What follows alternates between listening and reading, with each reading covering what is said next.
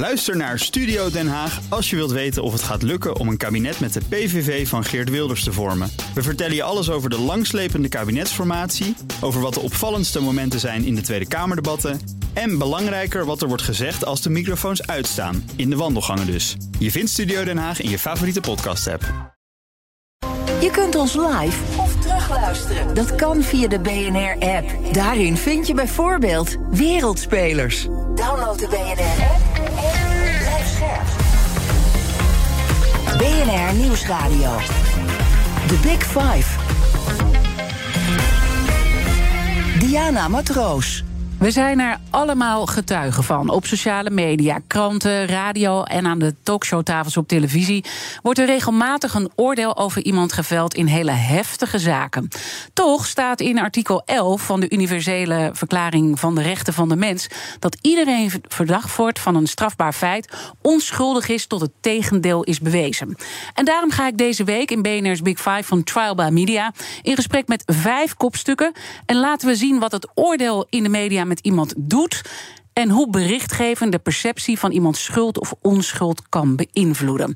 Vandaag trap ik af met een hele bijzondere gast. Jarenlang was hij namelijk bestuurder en partner bij KPMG, maar moest vertrekken bij het accountantskantoor toen het Openbaar Ministerie hem in 2014 begon te verdenken in een belastingfraudezaak rondom de bouw van het nieuwe kantoor van KPMG. En in die periode stond hij zelfs prominent op de voorpagina van de Telegraaf met een zwart balkje voor de ogen, maar in 2022 werd hij in hoger beroep voor de tweede keer vrijgesproken. En hij is hier vandaag. Jaap van Everdingen, fijn dat je er bent. Dankjewel, Diana.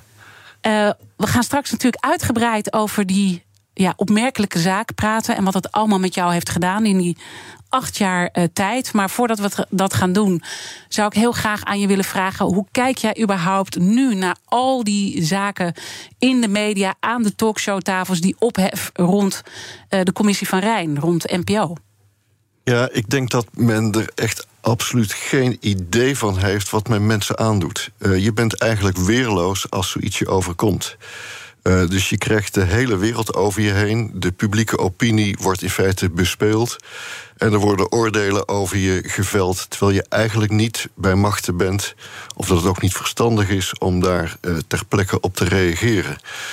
Dus ja, helaas uh, moet je het over je heen laten komen, maar word je publiekelijk eigenlijk een kopje kleiner gemaakt. En kan je ergens nog voorstellen van, nou ja, er speelt wel heel veel en media moeten natuurlijk altijd ook scherp zijn en uh, kritische vragen stellen en dus ook verhalen naar buiten brengen? Absoluut. Ik begrijp helemaal dat men iedere dag met nieuws moet komen en niet kan wachten totdat zeg maar, de rechtszaak helemaal gevoerd is. Maar daar past wel een zekere nuancering in en begrip wat men doet voor mensen en de gezinnen daarachter. En dat mensen dus eigenlijk ook in staat moeten zijn om gewoon door te kunnen functioneren, zolang deze zaken nog in de lucht hangen. Het tweede wat ik aan je zou willen vragen. Um, we gaan straks helemaal de diepte in wat er met jou allemaal is gebeurd. Uh, is dat nog ergens spannend voor jou om dit verhaal te vertellen? Nou, ik, uh, het is ondertussen helemaal achter de rug. En uh, ik kan straks ook wel zeggen dat. Uh, kijk, met de vrijspraken was natuurlijk uh, zeg maar het laatste hoofdstuk gesloten. Maar ik merkte wel dat daarmee voor mij niet het boek gesloten was. En dat je toch nog een heel stuk te verwerken hebt om dit achter je te laten. En, en ja, wat, wat ook dagelijks nog, nog steeds meespeelt. Je bent weliswaar vrijgesproken, maar je bent niet onbesproken. En dat blijf je meedragen. En is dat dan ook iets wat je voelt als, als spanning op dit moment om het te vertellen? Nee, nee, nee. Ik heb al eerder het verhaal ook in, de, in besloten kring uh, verteld. En, uh, en daar is ook veel belangstelling naar, ook uh, door andere bestuurders en commissarissen. Het is natuurlijk heel heftig. En natuurlijk zitten daar ook belangrijke leerpunten in van hoe ga je daarmee om. Uh, zowel persoonlijk als ook zakelijk. En hoe ga je om met de autoriteiten, hoe ga je om met de media en dergelijke.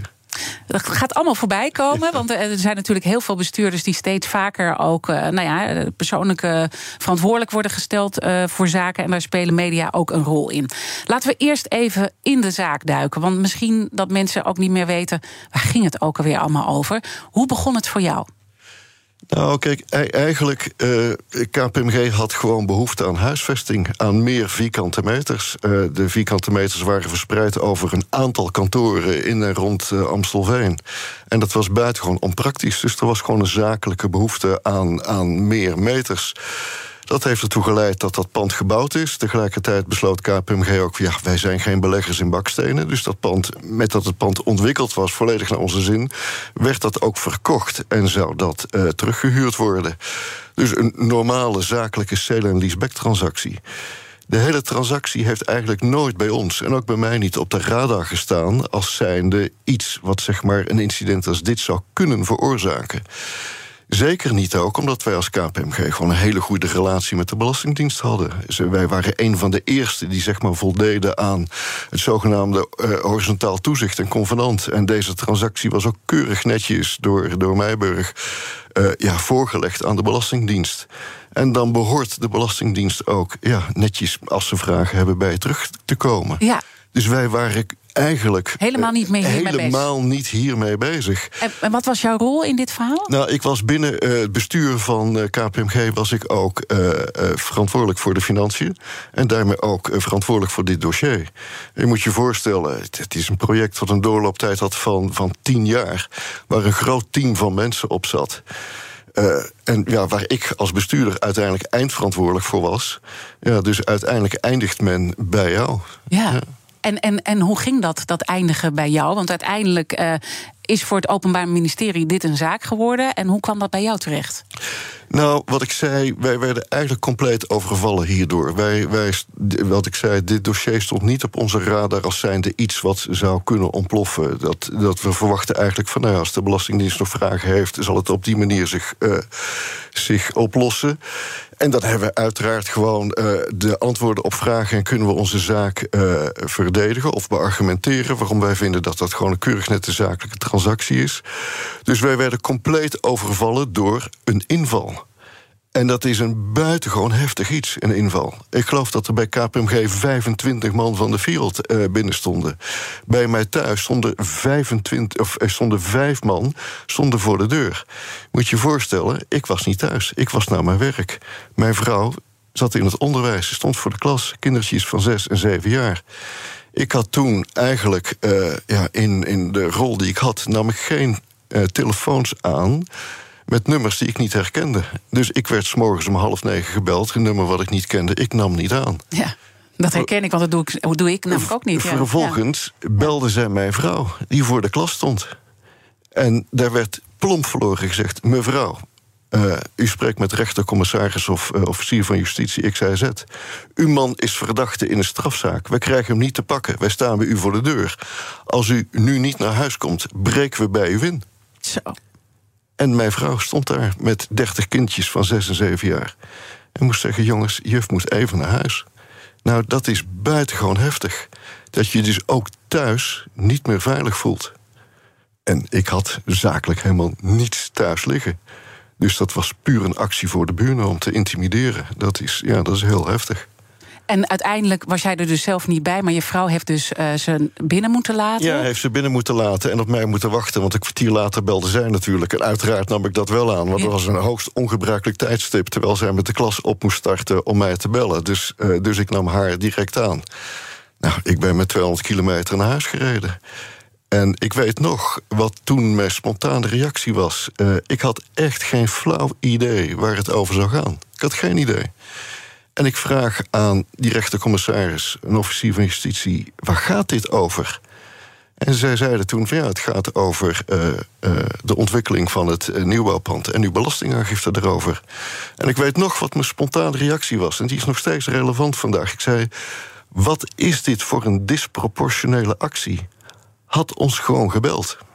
Er is dus geen telefoontje gekomen nee. vooraf. Maar goed, dat is natuurlijk ook wel hoe de Fiat werkt. Hè. Als ze ergens een, een, een verdachte transactie zien, dan gaan ze dit natuurlijk wel op deze manier uh, zo doen. Maar toch vind je dat dat anders had moeten lopen? Ja, zeker omdat ik, wat ik net zei, uh, uh, de relatie die wij met de Belastingdienst hadden, ook onder het horizontaal toezicht. Als je keurig die, netjes die transactie hebt voorgelegd. KPMG bestond 100 jaar had 100 jaar een voorbeeldige relatie met de Belastingdienst. Dan ga je niet uit van wantrouwen. Dan ga je gewoon iemand vragen in een normale relatie van... goh, ik begrijp dit misschien niet helemaal... maar kun je me eens uitleggen hoe, hoe dit werkt? Mm -hmm. Dat had ik verwacht en ja. dat hadden ze moeten doen. Dit had nooit opgewerkt moeten worden naar FIOD en, en naar Openbaar Ministerie. De Belastingdienst had KPMG moeten bellen. En uiteindelijk uh, nou, maakte je dus die opmerking. Hoe werd daarop gereageerd? Hoe werd er mee omgegaan oh, op dat moment? Werd, werd, iedere keer heeft men stelselmatig antwoord gegeven... ja, maar uh, u bent verdacht in een hele grote strafzaak. En daarmee werd het afgedaan. Waarop ik zeg, maar dat doet helemaal niet af aan het feit... dat voordat je überhaupt komt aan het verdenken van iemand in een strafzaak... dat je eerst even zorgvuldig in overleg treedt met betrokkenen. En in, in dit geval was dat ook gerechtvaardigd. Mm Gelet op wat ik zei, de relatie die KPMG had met de autoriteiten.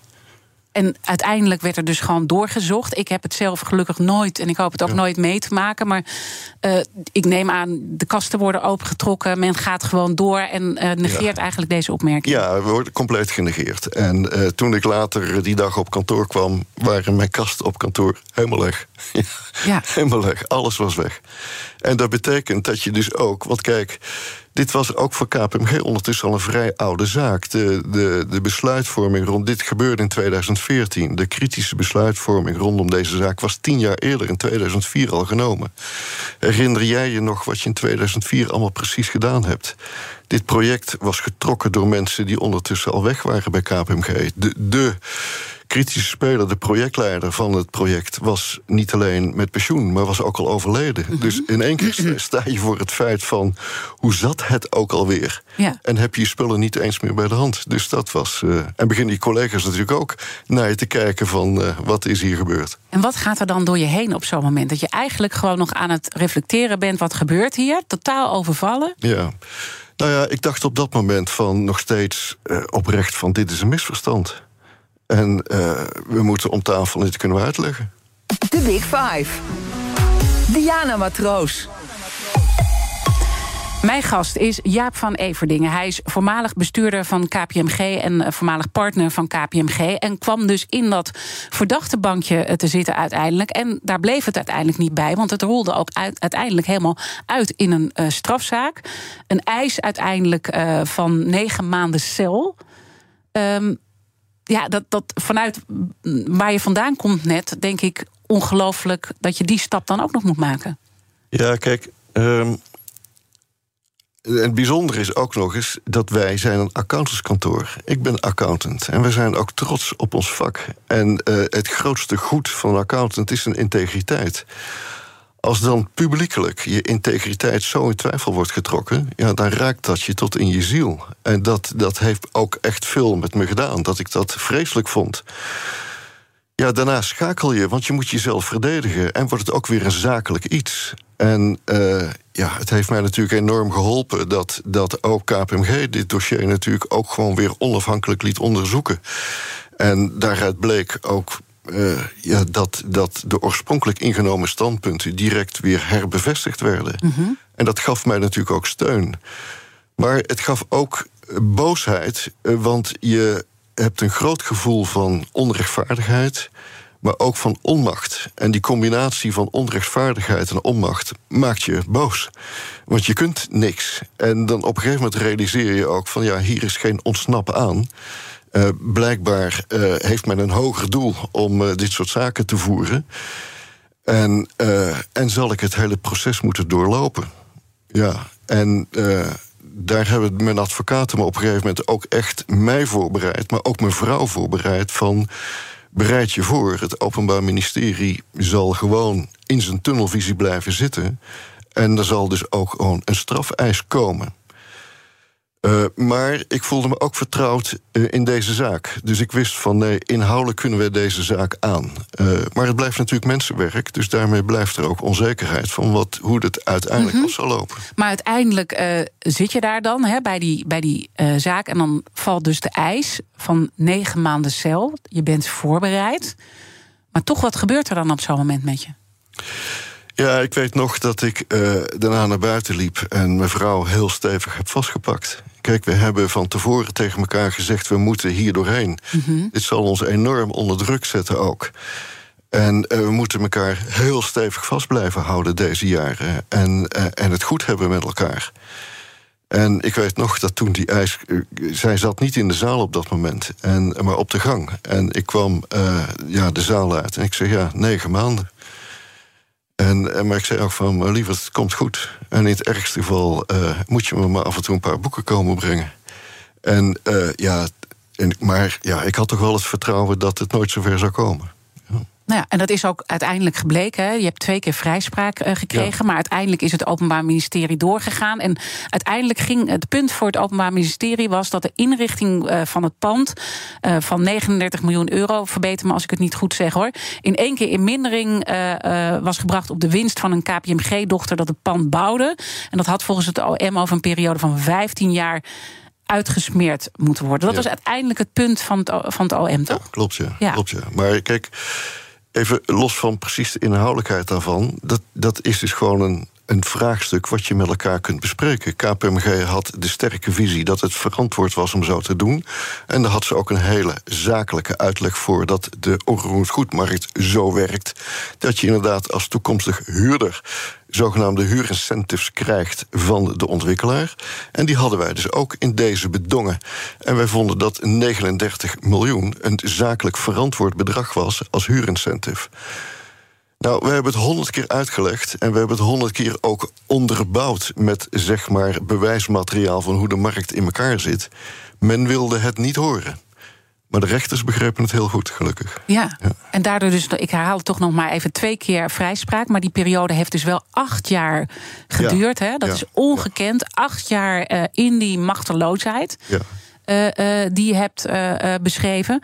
En deze week gaat natuurlijk, heet Trial by Media. wanneer had je nou het gevoel dat media hier een rol in hebben gespeeld? Nou, wat ik, uh, kijk, wat ik eerst zei van, ik heb uh, oorspronkelijk dacht ik van, dit is een misverstand, dit kunnen we gaan uitleggen. Nou, dat bleek af, achteraf natuurlijk vreselijk naïef. Want ook nadat we het uitgelegd hadden, het heeft bij mij echt wel even geduurd eer ik doorhad dat men niet wilde luisteren. De inval gebeurde in februari. Uh, en, maar natuurlijk zou dit een keertje uitkomen. En zou natuurlijk zou het ook in de media komen. maar uh, wij wilden dit eerst deugdelijk onderzoeken. Bereiden ons uiteraard voor hoe we dan er in de media op zouden reageren. Maar de, het werd overduidelijk gelekt. En dat is een aantal keren gebeurd. Dus het, zal, het Openbaar Ministerie zal dit uiteindelijk zelf gelekt hebben. Wat mij ook toch wel aantoonde dat ze ook duidelijk in deze de publiciteit hebben gezocht. Van kijk eens hoe goed wij mhm. bezig zijn. Maar zou het ook KPMG geweest kunnen zijn zelf? Jazeker. Nee, nou, dat zou ook kunnen. Ja. Dat zou ook kunnen. Want kijk, KPMG is een grote organisatie. En, uh, en dat betekent dat het ook vanuit KPMG zou kunnen zijn gekomen. Maar het kwam dus in de media, waar ik niet op voorbereid was dat. Uh, hoe zwart de media hierover hebben geschreven. En dat ik dus op de voorpagina van de krant stond. Tot twee keer toe. Hè? Dus, dus uh, op, op zaterdag en op maandag. Hè? Tot twee keer toe op de voorpagina van de krant. Met balkjes, zonder balkjes. Jaap van E, Jaap van Everdingen. Alle varianten heb ik meegemaakt. Op de radio, op de tv, alles. En dan dat je afgeschilderd wordt als het vermeende brein achter een grootschalige fraude. Terwijl je weet dat er niets aan de hand is en deze zaak helemaal onderbouwd kan worden.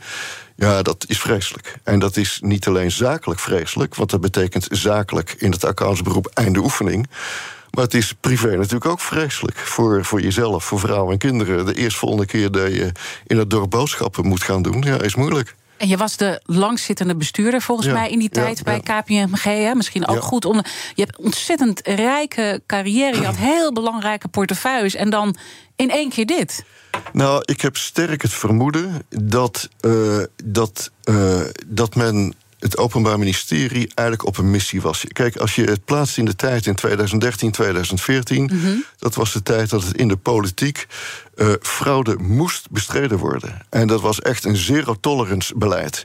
Uh, zowel aan de onderkant van de maatschappij als aan de bovenkant van de maatschappij. Uh, in 2013 was er een grote schikking door de Rabobank in de Libor-affaire.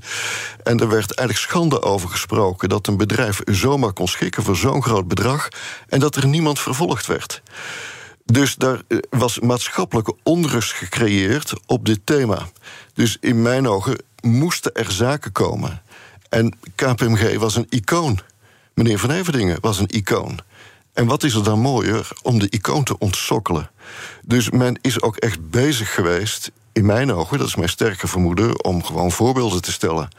En KPMG is uitgezocht. En die kreeg twee zaken achter elkaar. Eerst Ballas Nedam, daarna deze zaak. Dat kan geen toeval geweest zijn. Mhm. Ja, want dat is misschien ook nog uh, goed om te zeggen. Daarvoor was, er al, uh, was je eigenlijk al uit het bestuur teruggetreden vanwege een uh, Ballas Nedam-zaak die aan Saoedische functionarissen hadden ze smeergeld betaald en KPMG zou daar een betrokkenheid bij hebben. Staat dat nou los van jouw zaak? Want ja. als je dan kijkt naar de mediaberichtgeving, lijkt het net of jij daarbij betrokken was, omdat je op dat moment terugtrad. Nee. Ja, inderdaad. Dat was ook voor mij moeilijk en ongelukkig. Maar ik had daar, dat had geen enkele uh, link eigenlijk met elkaar. Ik had geen enkele betrokkenheid uh, in, de, in de Ballas-Nedam-affaire. Dat was ook nog voordat ik überhaupt in de raad van bestuur zat van KPMG. Ik had ook als accountant heb ik daar nooit enige betrokkenheid bij gehad. Maar. Uh, de KPMG werd voor het, bij de Ballas-Nedam-zaak voor het eerst eigenlijk geconfronteerd met een strafzaak. En uh, ja, dat past helemaal niet in een, uh, bij een accountantskantoor. Mm -hmm. En de, de omstandigheden in de wereld van toen was er een dat KPMG zich dat ook heel slecht kon veroorloven. Uh, omdat toen, kun je misschien herinneren, de auditroulaties moesten starten. Dus KPMG moest afscheid nemen van al zijn beursfondsen en moest alle nieuwe klanten weer gaan winnen. Mm -hmm ja, dan wil je zoiets niet aan je kar hebben hangen. Dus men wilde daar ook snel vanaf. En wilde men ook, zeg maar, de autoriteiten mild stemmen. Door, ja, ook al was er ook maar een schijntje van betrokkenheid. Kijk, ik was inderdaad uh, ook bestuurder in de, in de, laatste restjes van, zeg maar, de Ballas Nedem-affaire. En toen ben ik dus teruggetreden uit het Nederlandse bestuur. om er ook geen enkele uh, ja, idee te hebben van, uh, van nog betrokkenheid. Maar eigenlijk werd je daar ook al geslachtofferd. Ja, daar werd ik ook geslachtofferd. Maar ik moet wel zeggen, mijn belangrijkste baan op dat moment was zijn van internationaal bestuurder. Uh, op Europees en internationaal niveau. Dus ik zei wel eens, uh, ja, een beetje gekscherend... van ja, ik ben teruggetreden bij een van de dochtermaatschappijen als directeur. Ja. Dus, dus ik heb... Je voelde het zelf niet zo. Terwijl, Nee, want als nee, ik nee. die artikelen zit terug te lezen... dan wordt het toch wel in één adem wordt die zaak genoemd... en dat Ja. jij bent eh, eh, teruggetreden. Hè? Nee, dat, maar dat- kijk, dit, ja. dit, dit was zakelijk verstandig om te doen... en daar heb ik eh, mijn volle medewerking destijds aan verleend. Dus dat, Maar dan eh, ben, je dus, dan ben je dus iemand die zegt... oké, het is belangrijk voor KPMG, laten we dit doen. Jazeker. Ja. Ja, jazeker. En dan, dan gebeurt dit dus eh, daarna met die, met, die, met die zwarte balkjes. En Ja. eh, het OM die dus duidelijk eh, op zoek was om er een zaak van te maken... ook om weer witte aan de kaak te stellen. Dat heeft Volkskrant ook ooit zo beschreven. Hè. Ze waren Ja. daar echt daadwerkelijk op uit. En het wordt ook nou ja, wel getuigen door de twee keer vrijspraak. Hè. Dat blijf Ja. ik toch even herhalen. Toch die rol van de media, neemt, neem je het de journalisten kwalijk?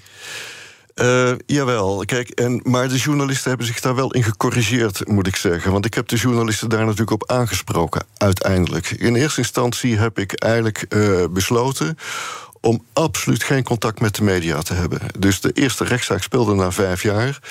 En ik heb vijf jaar bewust de media afgehouden. Omdat ik echt zelf ook niet mee wilde doen aan die trial bij media. En echt de rechter eerst de kans wilde geven om het woord met mij te voeren. En natuurlijk wist ik dat ik de media ook niet kon ontlopen. En dat bij de rechtszaak ze aanwezig zouden zijn. En natuurlijk mij in de wandelgangen vragen zouden gaan stellen. Eh, dus daar heb ik me ook op voorbereid. Maar ik, en toen ze daar ook waren, eh, dezelfde journalisten die zo zwart over me geschreven hadden, heb ik ook tegen van, joh, even wachten. Jij komt straks aan de beurt, maar eerst de rechters. Daarna jij. Eh, maar ik heb me daar wel op voorbereid om daarmee om te gaan. Door, eh, ja, hoe heb ik dat gedaan? Door eh, op de eerste plaats een heel krachtig openingsstatement te hebben in de rechtbank. En toen ging natuurlijk ook bij hun de open, ogen open dat er ook een hele andere kant aan dit verhaal zat. En om ze in de wandelgangen eigenlijk vooral ja, vriendelijk te woord te staan, one-liners te geven die ze goed konden gebruiken. Ook Hugo Reitsma vind je in de BNR-app. Superhandig die BNR-app. Je kunt alle programma's live luisteren, breaking nieuwsmeldingen. Je blijft op de hoogte van het laatste zakelijke nieuws. En je vindt er alle BNR-podcasts, waaronder natuurlijk de belangrijkste, Boeken zijn in de wijk. Download nu de gratis BNR-app en blijf scherp. Blijf scherp. BNR Nieuwsradio. The Big Five.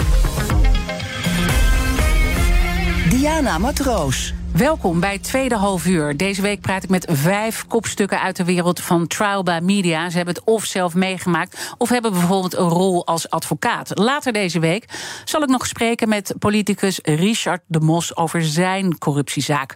Mijn gast vandaag is oud KPMG-bestuurder en oud partner.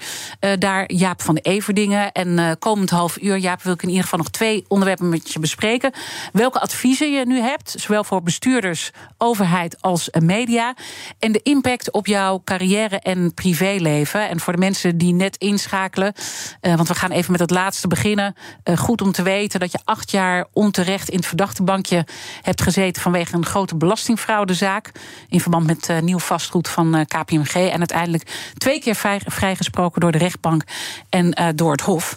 Um, en deze week gaat over trial media uh, uh, natuurlijk. En we waren net over de rol ook die journalisten hebben gespeeld. Hè, met dat balkje uh, voor jouw ogen op de voorpagina van de krant. En toch nou, vind ik je best mild stemmen over de journalisten in die tijd. Ja, maar dat is denk ik meer door uiteindelijk de afloop dan hoe het gestart is. Kijk, hoe dit gestart is, vind ik onvergeeflijk. Hoe zwart ik destijds uh, in de krant heb gestaan, vind ik totaal ongepast. Dus die publiekelijke naming en shaming, voordat überhaupt de zaak is onderzocht of voor de rechter is geweest, ja, vind ik ongepast. En dat is niet alleen kwalijk naar het individu. Ik vind het ook maatschappelijk totaal ongewenst. Want daarmee voed je verder het wantrouwen en versterk je de polarisering en het moreel verval in Nederland. Dus de media spelen hier een belangrijke rol in. En die hitsen in feite ook de maatschappij op met dit soort extreme berichtgeving. Dus dat vind ik absoluut niet juist mm -hmm. om, om dit zo te doen. En daar hebben ze zich echt in te matigen, vind ik. En, en ik vind dat ook vandaag de media dat nog steeds doen. Uh, ik, ik heb ook wel gezegd, het lijkt er bijna wel op dat het creëren van ophef het businessmodel van de media is geworden. Mm -hmm. Dat is niet goed. Als je kijkt wat de impact is op de individu. Ik heb inderdaad acht jaar mijn beroep niet uit kunnen oefenen. En mijn carrière is vernietigd. Mijn reputatie is vernietigd. Mijn verdienpotentieel is vernietigd. Er wordt echt een atoombom op je gegooid. En dat doet men zomaar eventjes. Door, door een bericht in de krant. Mm -hmm. Nou, dat is echt, dat is echt totaal ongepast ja, gedrag. Want wat, wat, wat had je anders gedaan als je dus niet dit allemaal had meegemaakt? Ja, dan was mijn carrière natuurlijk bij KPMG glansrijk doorgelopen en een keer beëindigd. En dan had ik waarschijnlijk naar het beëindigen van mijn carrière prachtige commissariaten gehad bij de grootste beursfondsen, die ik ook daarvoor als klanten had bediend. Ik had een hele goede naam in Nederland en ook internationaal. Uh, dus uh, ja, dat is allemaal niet meer voor me weggelegd. Nee. En uh, uiteindelijk bleek dit dus allemaal onterecht. Maar hebben deze journalisten wel een prijs gekregen? Namelijk de belangrijkste prijs die je in de journalistiek kan krijgen: de tegel voor een zaak waar uiteindelijk dus van blijkt dat hij helemaal niet klopte, zoals ja. hij is bericht. Ja, bizar. Bizar. En dat, en dat, maar op dat moment, wat ik je net zei vond ik mezelf nog niet in een positie om met de media te spreken. Dus zij winnen die tegel op een onderwerp waarvan ik wist... van jongens, jullie zitten er echt helemaal naast. Nou, diezelfde journalisten die ook die tegel gewonnen hebben... die hebben, stonden daarna natuurlijk ook in de rechtbank. Ja, die heb ik daar ook op aangesproken. Maar ik heb ze ook de kans gegeven om dat te herstellen. En dat hebben ze ook gedaan. Dus ik moet zeggen dat, uh, dat uh, die, hun berichtgeving is daarna een stuk beter en genuanceerder geworden. Omdat ik natuurlijk ook de kans kreeg om uiteindelijk mijn verhaal mm -hmm. te doen. En, en, en, heb je dan ook antwoord gekregen waarom zij dat in eerste instantie eigenlijk niet hebben gedaan. Die verdieping ja, eigenlijk. Ja, ja. want ik ben geschoold met hoor wederhoor. Hè, dus je moet altijd de andere nee, kant nee, nee, horen. Ik kreeg een bizar antwoord. En dat was, ja, ja, ik werk voor de Telegraaf. ja. Begrijp je hem? Ja. Vreselijk. Ja. Vreselijk. Ja. Vreselijk. Ja, nou, ik vind, ik vind en, het echt en, heel en, erg en ik, voor en ik zei ook tegen de man van... man, je staat toch ook zelf ergens voor? Nou, toen, ik moet zeggen, daar heeft hij wel uh, zich aangetrokken, denk ik. Want zijn berichtgeving daarna was veel, veel genuanceerder. Mm -hmm. Zowel in Telegraaf als in de FD. Dus ik had mezelf echt als doel gesteld... ik moet die mannen voor me winnen. En dat moet zich keren. En men moet doorhebben dat, uh, dat de vijand het Openbaar Ministerie is in deze. Nou, dat hebben ze goed opgepikt. Ja. En ik vind het toch ergens ook groot van je dat je dat toch ook uh, nou ja, open hebt gestaan naar die journalisten om uh, ja, ze toch ook de andere kant uh, te geven uiteindelijk. Ja. En ze ook de kans te geven om te veranderen. Dat vind ik echt prachtig ja, ja. Kijk, en dat zat ook in kleine dingen. Kijk, uh, ik weet dat ik soms lang van stof kan zijn. Dus ik heb, had me echt voorbereid om ze ook one-liners te geven. En niet om dat hele, die hele ingewikkelde transactie uit te gaan leggen. Maar om ze kort bondige statements te geven. Maar ook heel anders. Ik heb ze ook mijn vrouw en mijn kinderen laten ontmoeten. Dat ze gewoon zagen, dit zijn gewoon keurig nette mensen. En kijk eens wat een leed we ze hebben aangedaan. Of wat, wat een verdriet we ze hebben aangedaan. En dat heeft ongetwijfeld ook meegespeeld. Ze mhm. hebben ook gezien dat... Uh, dat gewoon meerdere collega's, een handvol collega's, bijna iedere dag in de rechtbank waren. Om mij te steunen, om achter me te staan. Dat uit de vriendenkring uh, diverse echtparen iedere dag bijna in de rechtbank waren om achter me te staan. Nou, dat heeft natuurlijk ontzettend veel voor me betekend. En, uh, maar die journalisten hebben dat ook gezien. Ja, misschien is dat meteen een mooi punt om ook de kettingvraag bij te pakken. Want dat gaat eigenlijk over hoe je gesupport wordt of uh, niet. Uh, in de vorige aflevering was namelijk Carina Hilders, directeur van het Reinier de Graaf ziekenhuis, te gast. Dat was in een week waarin mijn collega Art Royakkers met vijf experts in gesprek ging over innovatieve zorg. Dat was een andere Big Five. En Carina Hilders had deze vraag voor jou. Luister maar. Ja, ik probeer dan de brug te slaan tussen de zorg en inderdaad zijn uh, expertise en domein. En wat hij heeft meegemaakt. Uh, dat merken wij ook bij de medische professionals als ze wel eens aangeklaagd worden met een tuchtprocedure. Mm -hmm. Ja, dat raakt je als professional heel diep. En je gaat twijfelen over je eigen kunnen en vermogen. Je gaat twijfelen over ben ik wel die goede oprechte professional die de zorg levert voor die patiënt. Want dat zijn altijd processen die je heel erg persoonlijk raken. Mijn vraag aan hem zou zijn, met alles wat hij heeft meegemaakt, is er net zoals in de zorg ook iets van peer support? Want dat helpt ons heel erg om te relativeren en ook in zo'n moeilijke periode je staande weten te houden. Ja, dat is echt een prachtige vraag. En eigenlijk beschreef je al dat die peer support er dus wel degelijk ook was. Ja, en, uh, maar dat moet ik wel nuanceren, wat je nu zegt. Uh, en het is inderdaad een hele mooie vraag en ook een belangrijke vraag. Want Kijk, ik uh, werkte in accountantsorganisaties. En accountants zijn van nature hele intelligente mensen. Dus de IQ is sterk ontwikkeld, maar de EQ is wat minder ontwikkeld, uh, moet ik zeggen. En dus er zit een zakelijke kant aan en er zit een persoonlijke kant aan, uh, deze vraag. En de zakelijke kant was natuurlijk uitstekend verzorgd. Wat ik net zei, KPMG is een zeer professionele organisatie. Als er bij ons zich uh, onze uh, dienstverlening ter discussie werd gesteld, als er incidenten waren, was het standaardprocedure dat, er, dat dat volledig onafhankelijk werd onderzocht. Dus, dus ook dit dossier is volledig onafhankelijk onderzocht, ook door externe adviseurs. En wat ik net zei, dat leidde binnen een half jaar tot een compleet gereconstrueerd dossier, wat leidde tot een complete herbevestiging van de ingenomen standpunten. Natuurlijk zaten daar verbeterpunten in. Daar moet je als professional ook voor openstaan te alle tijden. Maar dat had KPMG keurig netjes voor elkaar. Ik had echt het idee naar dat rapport. Oké, daarmee is het dus afgelopen klaar. Dat gaat naar het Openbaar Ministerie en de zaak is afgerond. Hè? Dus mijn verwachting, dit is binnen een half jaar afgelopen. Uh, maar de heftigheid van de berichtgeving en de heftigheid van het optreden van het Openbaar Ministerie. En dat KPMG dit zakelijk natuurlijk absoluut niet kon gebruiken, leidde er ook toe dat we zakelijk tot de conclusie moesten komen dat het beter was dat ik afscheid zou nemen van KPMG. En dan kom je meer op het punt van de persoonlijke support.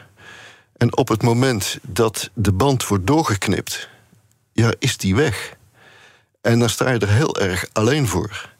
En dan is dus ook de support van collega's ja, niet meer georganiseerd, maar die is ja, spontaan en informeel. En dan moet je ook een heleboel teleurstellingen meemaken, moet ik helaas toegeven. Zoals? Nou ja, dat er toch, uh, je hebt je hele carrière heb je keihard voor deze club gewerkt. Als bestuurder heb je ook dag en nacht voor die club klaargestaan. En mijn vrouw heeft toch regelmatig tegen me gezegd: van ja, waar zijn je collega's nu? nu je ze nodig hebt. En dan was het ook wel heel stil aan de andere kant. Uh, tegelijkertijd moet ik ook zeggen dat er twee kanten aan de medaille zitten. Er enerzijds is er de teleurstelling dat je niets van mensen hoort. Maar aan de andere kant staan er ook mensen voor je klaar op een manier dat je er bijna verlegen van wordt. Dat je echt afvraagt van goh, zal ik zo voor de ander klaarstaan op het moment dat hij of zij het nodig heeft. Dus, en dat gebeurt zowel aan de zakelijke kant, dus collega's, oud-collega's, zoals ik net zei, die tot in de rechtbank me steunden. En, uh, en ook vooral in de vriendenkring. Uh, dus dat mensen echt, echt voor je klaarstaan. Dat het een, als een, ja. een warm bad is. En dat heb je heel hard nodig. Het antwoord op de vraag van Carina is dus dat wij dat niet georganiseerd hadden destijds. We praten over iets van tien jaar geleden, dus misschien is het nu ondertussen beter. Maar daarom vond ik haar vraag wel heel interessant. Want als ze in de medische wereld zoiets hebben zou de accountancywereld daar mogelijkerwijs nog wat van kunnen leren. Ja, dat je dus eigenlijk organiseert dat je mensen toch ook uh, ja, de kans geeft om wel te reageren. Want iedereen is waarschijnlijk ook heel angstig of zo. Van... Zeker, zeker. O ook bij mij werd het toch. Uh, ja, ik heb gewoon de twijfel in de ogen van mijn collega's gezien. Hè. Dat, het zal toch niet waar zijn dat Jaap waar daar. rook is, is vuur. Ja, waar rook is, is vuur. Uh, dus, dus, en het geweld waarmee het gebeurde. Hè. Dus je ziet dat, dat ook als grote, krachtige organisatie ben je onmachtig tegen een op hol geslagen overheid. Het geweld wat er over je heen komt is enorm. Dus die organisatie stond ook te trillen op zijn grondvesten. Dus, dus dat collega's angstig waren en twijfel hadden. Ja, begreep ik wel. Maar daarom was zo'n onderzoek ook belangrijk. Dat Ja. werd gewoon professioneel ingevuld. En dat, en dat is dan wel heel hard dat dat natuurlijk eh, gebeurt. En dan beschrijf je, eh, nou, er was ook steun, maar dus ook heel veel mensen waar je niks van eh, hoorde en die toch een beetje zoiets hadden: rook is vuur. Was dat in het prachtige Wassenaar waar je woont? Ja, dat was vreselijk. En ook, ook daar gelukkig overigens ook weer twee kanten. Hè. En wat ik zei, van ja, je moet de volgende dag toch weer het dorp in en je, en je boodschappen gaan doen. En, maar dan is de impact op je, op je gezin, op je vrouw. Mijn kinderen waren volwassen in die tijd. Maar, maar, de, voor mijn vrouw was dat vreselijk. Je merkt toch, je loopt het dorp in. En eh, ja, mijn vrouw heeft 15 jaar voor de klas gestaan in Wassenaar. He- Heel het dorp ken je. Wij wonen daar 30 jaar. Mijn kinderen zijn er opgegroeid. En één keer merk je dat mensen in één keer... Ja, die anders zouden begroeten, hun blik afwenden... of een winkel inschieten. Of zeggen, durf jij hier nog wel te komen? Ja, heel erg. Ook Thomas van Zeil vind je in de BNR-app. Je kunt live naar mij luisteren in Zaken doen, de BNR-app met breaking news, het laatste zakelijke nieuws en je vindt er alle BNR-podcasts, bijvoorbeeld Het Nieuwe Geld. Download nu de gratis BNR-app en blijf scherp. BNR Nieuwsradio. The Big Five. Diana Matroos. Je luistert naar BNR's Big Five van Trial by Media. Later deze week zal ik over dit onderwerp nog spreken met Pieter Klok. Hij is de hoofdredacteur van de Volkskrant. En dan ga ik natuurlijk ook inzoomen op die publicaties van die krant. Onder andere over NOS Sport en De Wereld Draait Door. Eh, allemaal over grensoverschrijdend gedrag. Eh, iedereen heeft het kunnen volgen, ook met de commissie van Rijn. Maar ik ga natuurlijk ook met hem praten over zaken uit het bedrijfsleven... waar ook media over berichten, zoals eh, ook met mijn gast vandaag... Jaap van de Everdingen, oud-KPMG-bestuurder... waar we uitgebreid over hebben gesproken. Ehm, nou ja, dit was met name dan de Telegraaf, hè? goed om dat er ook bij eh, te zeggen. Ehm, we hebben heel veel punten al aangesneden. Ehm, je hebt benoemd welke rol media hierin spelen. Hoe jij daar ook mee, mee om bent gegaan. En ik begrijp ook dat je zelfs die zwarte balkjes ergens nog hebt weg kunnen Ja, krijgen. ja. Hè? Dus dat, dat, daar moet je dan ook nog heel erg eh, je best voor doen. Twee dingen die we nog niet hebben benoemd is de politiek. Hoe die ermee eh, om is gegaan eh, met jouw zaak. Ehm, OM trouwens ook nog goed om eh, te benoemen, die dus nooit een telefoontje naar jou hebben gedaan. Eh, en ook ehm, uiteindelijk een, een column van Joep van het Hek van de NRC. Die hier ook heel veel over jou ging. Ja, ja. Wat, wat heeft je het meeste geraakt? Nou, kijk, ik heb. ehm, kijk, die mediaberichtgeving was natuurlijk buitengewoon lastig. En, maar op een gegeven moment eh, zet je daar ook overheen. Het punt is echter, als het zo lang duurt. en ook dat je weet dat het uiteindelijk een rechtszaak zal worden. ook al herpak je je op een gegeven moment. het blijft een donkere wolk die boven je hangt. en altijd eigenlijk wel aanwezig is. En als je dan op oudjaarsavond, dus eh, als je toch ook met je vrouw of je gezin het, eh, het oude jaar wil afsluiten en hoopvol het nieuwe jaar in wil stappen. En je krijgt op een nieuwjaarsconferentie, wordt KPMG weer door het slijk gehaald. Ja, dan doet dat ongetwijfeld, doet dat zeer. Kijk, op een gegeven moment begrijp je natuurlijk ook dat als Joep van het Hek het al tien keer gezegd heeft, ja, dat jou gewoon overkomt wat ons Koningshuis ook wekelijks overkomt. als er weer wat over het bootje wordt gezegd of iets dergelijks. En dan leer je het ook te, te relativeren en het, eh, en het niet zo serieus te nemen. Eh, Dat ik van de autoriteiten nooit meer wat gehoord heb, vind ik schandalig. En dat vind ik ook gewoon niet behoorlijk van hoe je in Nederland met elkaar omgaat. Ze hebben acht jaar lang hebben ze mij geterroriseerd en mijn gezin. Aan alle kanten is bewezen dat ze ernaast hebben gezeten. Ook zij moeten bereid zijn een lerende organisatie uh, te, te willen zijn. En, en dus om mij aan te horen. Niet dat ik achter ze aan wil gaan, maar ze moeten toch op zijn minst ook gewoon van een zaak als deze leren. Om, om in volgende keren mensen dit niet aan te doen. En dit behoort gewoon niet in Nederland. En dan verwacht je gewoon in ieder geval een telefoontje of een gesprek van: ja, Dit, dit hebben we gewoon niet goed gedaan. Ja, ja. kijk, dat gesprek heb ik met KPMG ook gehad. KPMG is wel professioneel. Ik heb nou, toen het afgelopen was, heb ik ook tegen KPMG gezegd: joh, het is verschrikkelijk wat ons is overkomen. Maar ik heb ook hele mooie jaren bij KPMG gehad. Dus het zou mooi zijn als we de brug weer kunnen slaan. En dat hebben we gedaan. Mhm. Dat vind ik heel mooi. En dat zie het KPMG, of in dit geval de nieuwe voorzitter van de Raad van Bestuur van KPMG. Dat zou het OM ook moeten doen. En zou je daar nog voor openstaan als ze toch nog bij je zouden ja, willen zeker, komen? Ja, zeker. Want ik merkte dat dat, dat uh, mij ook goed doet om het boek te sluiten. En ook zeg maar, om het vertrouwen weer enigszins terug te winnen in de autoriteiten. Dat ook dat lerende organisaties willen zijn. En dat zou ik passend vinden. Ja. Nou, dat vind ik ook mooi dat je toch wel open staat. Ik weet niet of ze het horen, maar dat, dat je wel gewoon zegt: ja. laten we erover praten. Weet je? Want uiteindelijk uh, kan je daarin leren. Um, ze hebben natuurlijk toch heel bewust gekozen toen om in hoger beroep uh, te gaan. Uh, januari, uh, nee, was nou wanneer? 2022, dus die ja, tweede januari keer. 22, ja. ja, januari 22, die tweede keer vrijspraak. toen zag ik nog dat ze zich kunnen beraden op cassatie. Speelt dat überhaupt nog? Nee, nee, dat is echt te laat, nee, hè? Nee, nu? dat is echt, uh, dat was uh, uh, niet. Dus, maar onderschat het niet. Ook daarna was ik nog anderhalf jaar bezig met de administratieve afwikkeling. Kijk, de, de verliezer betaalt. Dus ja, dit heeft natuurlijk een fortuin gekost, mijn verdediging. Dus die kosten moesten wij terugclaimen. Ook daar gingen ze weer in verzet. Tot het laatst toe hebben ze gewoon zich als ettertjes gedragen. Echt letterlijk. Gewoon onprofessioneel gedrag. Uh, wees dan gewoon een, een, een eerlijke verliezer en zeg van...